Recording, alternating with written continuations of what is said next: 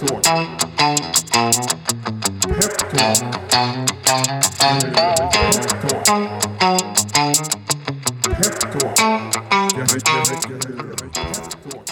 Då säger vi varmt välkomna till eh, ännu ett avsnitt av eh, Peptalk.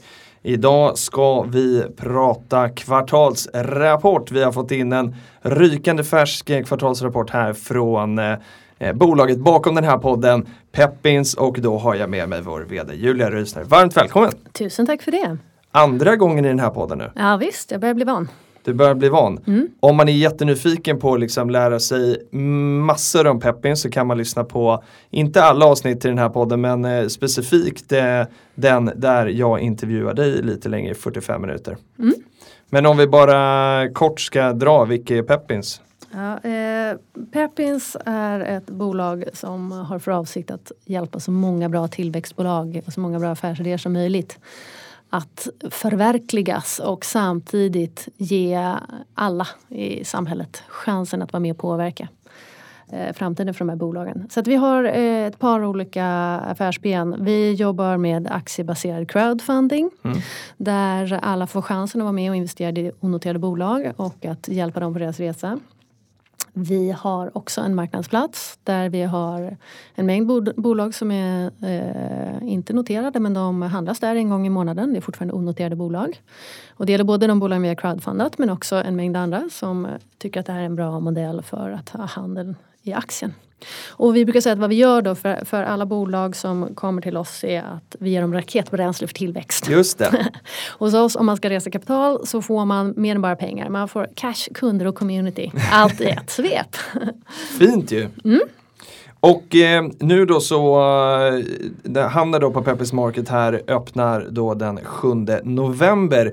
Eh, och vi kan ju bara dra snabbt hur det, hur det fungerar. 7 november är en onsdag eh, och onsdag och torsdag så har vi så kallad förhandel. Och är man van att handla på börsen så kanske man har sett att kvart i nio till nio så finns det en, en morgonkål och så finns det en stängningskål på slutet. Eh, och det här är en aktion då där man liksom, eh, som man använder för att hitta rätt pris. Vi har dragit ut den där kvarten till två hela dagar. Så under onsdag och torsdag så kan ni eh, lägga ordrar, köp och sälj i eh, Peppins eller något av de andra bolagen som handlas. Och sen då eh, fredag, lördag, söndag, måndag så kan man lägga order till ett fastställt pris som har satts under den här eh, förhandeln. Så går det till praktiskt och ett av bolagen då som kommer handlas är just Peppins och eh, nu tänkte jag att vi skulle gå igenom den här Q3-rapporten för det är lite intressant att veta hur det, hur det har gått. Mm. Om, om, eh, om man har läst den eh, så vet man, har man inte läst den så kommer jag berätta nu att Peppins under det tredje kvartalet då hade intäkter på 3,4 miljoner. Eh, och ska man sätta det här i relation till någonting då så kan man också läsa att förra året så var det intäkter på 3,65. Så något färre. Eh, vad tänker du kring detta? Ja men det är klart att eh, jag skulle vilja att det såg annorlunda ut. Jag vill att vi ska växa hela tiden. Eh, det är ju eh, helt fundamentalt. Och samtidigt så är det så att vi har ganska stora slag i eh, vår omsättning. De största, de största intäkterna kommer från våra crowdfunding-emissioner. Och eh, beroende på liksom, när de stänger så slår det ganska hårt då mot eh, omsättningen det, den specifika månaden eller det specifika kvartalet. Så det fluktuerar. Eh, men det är klart att jag inte är nöjd. Nej.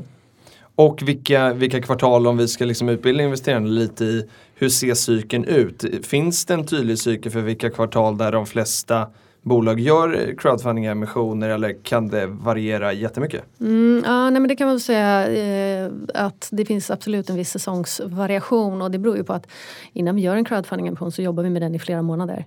Och eh, därmed är Q3 ett lite svagare kvartal normalt sett för att man har haft sommarmånaderna där och även om vi jobbade med, eh, i alla fall jag höll på med färsking hela sommaren, så, är- så är det klart att det blir, det blir lite färre bolagsemissioner normalt sett under Q3 för att eh, det är inte alltid så att man har möjlighet att eller, eller bolagen helt enkelt inte är beredda att hålla på och jobba hela sommaren för att göra emissioner i augusti-september. Just det. Så att Q3 är, lite- är ett svagt kvartal. Q4 har ju normalt sett varit, Q4 och Q2 har varit våra starkaste kvartal. Man lider ju även i Q1 lite grann av decembereffekten slår nästan hårdare på Q1 för att nu är det ett jäkla tempo. nu, vill alla göra affär före årsskiftet. Och ja just det, man vill bli klar innan julafton. Ja men precis. precis. Så att eh, våran inte så jättelånga historik har väl i alla fall varit att eh, Q4 och Q2 har varit våra bästa kvartal. Mm. Och tittar vi på resultatet då eh, för eh, det tredje kvartalet så kan vi läsa att det är minus 5,9 miljoner då 2018 mot minus 3,4. Så omsättningen minskar eh, något och resultatet är eh, relativt och ytterligare lite sämre. Vad beror det på? Ja men absolut, det är ju helt enligt plan. Vi tog in 100 eh, miljoner förra året och det gjorde vi för att satsa framåt. Så att vi, det är ju ganska mycket som händer som inte syns i siffrorna. Mm. Resultatet är enligt plan. Vi har, vi har investerat och tagit in mer personal för att bygga för framtiden. Mm. Så att, eh, den eh, ska naturligtvis vända den också. Men, Men den är liksom planerad, ska vi tolka det som? Kostnadssidan är helt planerad. Tittar vi på handeln då så eh, kan vi se att det nu är fler bolag som handlas på vår Peppins Market. Men mm. omsättningen, alltså hur mycket pengar som, som handeln omsätter då, eh, har, har då gått ner från 37,4 förra året till 18,3 här eh, Q3 2018. Mm. Tänker du där då? Är investerarna inte lika pigga på att köpa aktier? Eh, det har vi sett lite Eller sälja? Ja, nej, men det, det har vi sett lite olika ut vid olika tillfällen. Men eh, den primära anledningen till den stora skillnaden här är att vi gjorde ett par jättestora eh, mäklade transaktioner förra året. Okej. Okay. Eh, så därför så eh, är det lite lägre siffror här samma där, att eh, det blir inte alltid rättvist att mäta kvartal till kvartal utan dra ut eh, tidsperioden är medskick då. Ja men absolut. Och det, alltså, vi är väldigt glada till fler och fler bolag som handlas och eh, försöker lyfta den här möjligheten för alla som missar chansen i olika crowdfundingrunder och sådär och alldeles os osökt det så finns det många spännande bolag även på vår marknadsplats. Och de blir fler. Mm.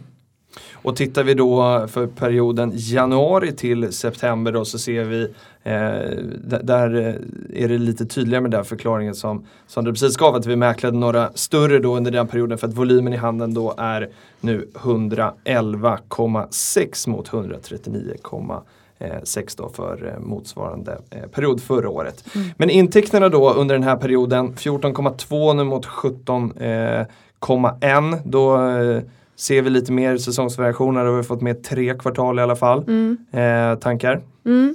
Ja men det är väl samma sak här. Det, det är klart att det inte är okej. Det är klart att vi måste växa även intäktsmässigt.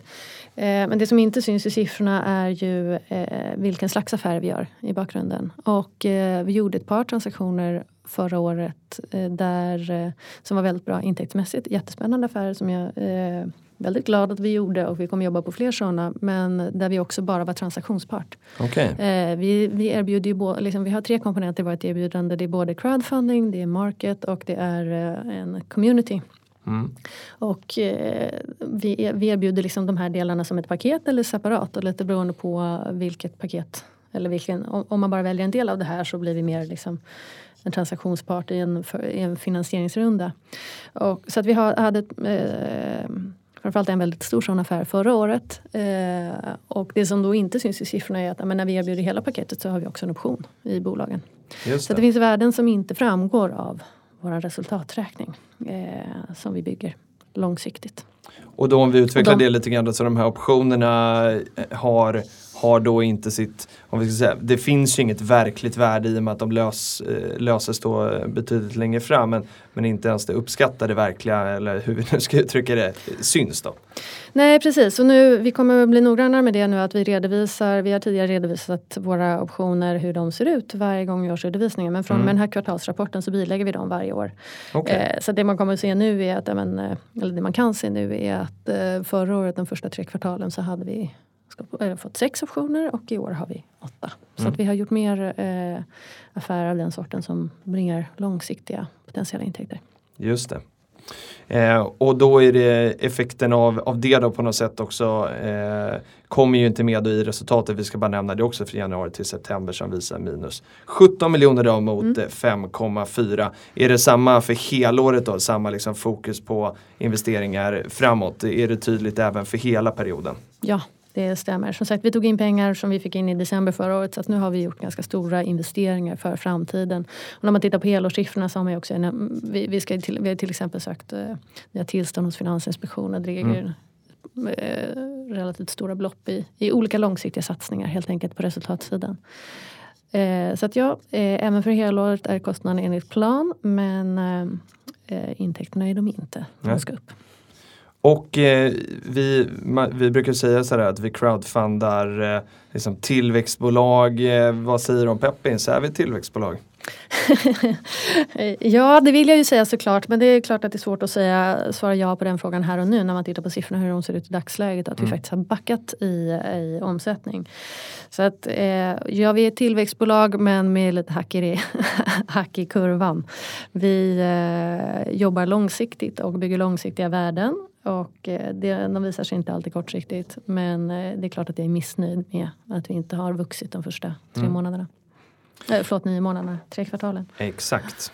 Eh, och tittar vi då på aktien då här i den senaste handeln så kostade Peppins aktien 13 kronor. Eh, och det är en bit då ner får vi säga från nyemissionen som gjordes för ett år sedan på 18 kronor. Tankar? Ja, man får säga att det är väldigt långt under de 18 kronorna. Det är klart att jag är missnöjd med det. Eh, men eh, jag kan ju inte egentligen kommentera vad som är rätt eller fel värdering av, av eh, Peppins. Jag kan bara konstatera att med en aktiekurs på 13 kronor så har vi en market cap, alltså en total företagsvärdering på, på 215 miljoner. Och samtidigt så har vi 97 miljoner i kassan. Så att vår enterprise value eh, ligger på 118 miljoner. Vad betyder enterprise value? Enterprise value betyder eh, värdet på företaget rensat från långsiktiga skulder och eh, eh med kassa tillagd. Så mm. att man kan konstatera att ja, men i det värdet då på market capen mm. eh, på 215 miljoner så ligger en kassa som rimligen är värd exakt 97 miljoner kronor. Så det. det man värderar själva rörelsen till är alltså i det här fallet 118 miljoner. Och som sagt, jag kan inte ta ställning till eller tala om vad som, är, vad som är högt eller lågt utan jag kan bara konstatera hur det ser ut. Och eh, tittar man ba bara på resultaträkningen så är det klart att vi, vi växer inte och vi förlorar pengar. Men tittar man också på optionsportföljen så kan, vet man i alla fall att det finns andra värden mm. som jag själv tycker är spännande.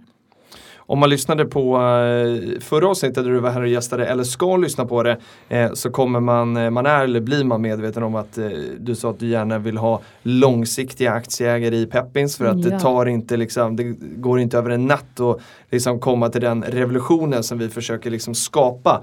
Men, men jag, jag blir ändå liksom då nyfiken på hur, hur och liksom i ett sånt resonemang skulle man då kunna säga att de här bumps on the road eh, som, som man kan uppleva de här hackkurvan frågan. Eh, hur, hur irriterar de en Peppins VD trots att det finns en, liksom, en, en, en lång eh, emission? Alltså och, bara helt ärligt, är det liksom, kan man se förbi det eller liksom, eh, naggar det ändå lite på en? Ja men det är klart att det naggar lite men ja, alltså hade jag inte kunnat se förbi det så nej, då hade det varit ett problem. Nej men så här, vi gör det här långsiktigt. Mm. Vi ska revolutionera finansbranschen eh, och demokratisera riskkapitalinvesteringar och entreprenörskap. Och som sagt, det gör man inte över en natt.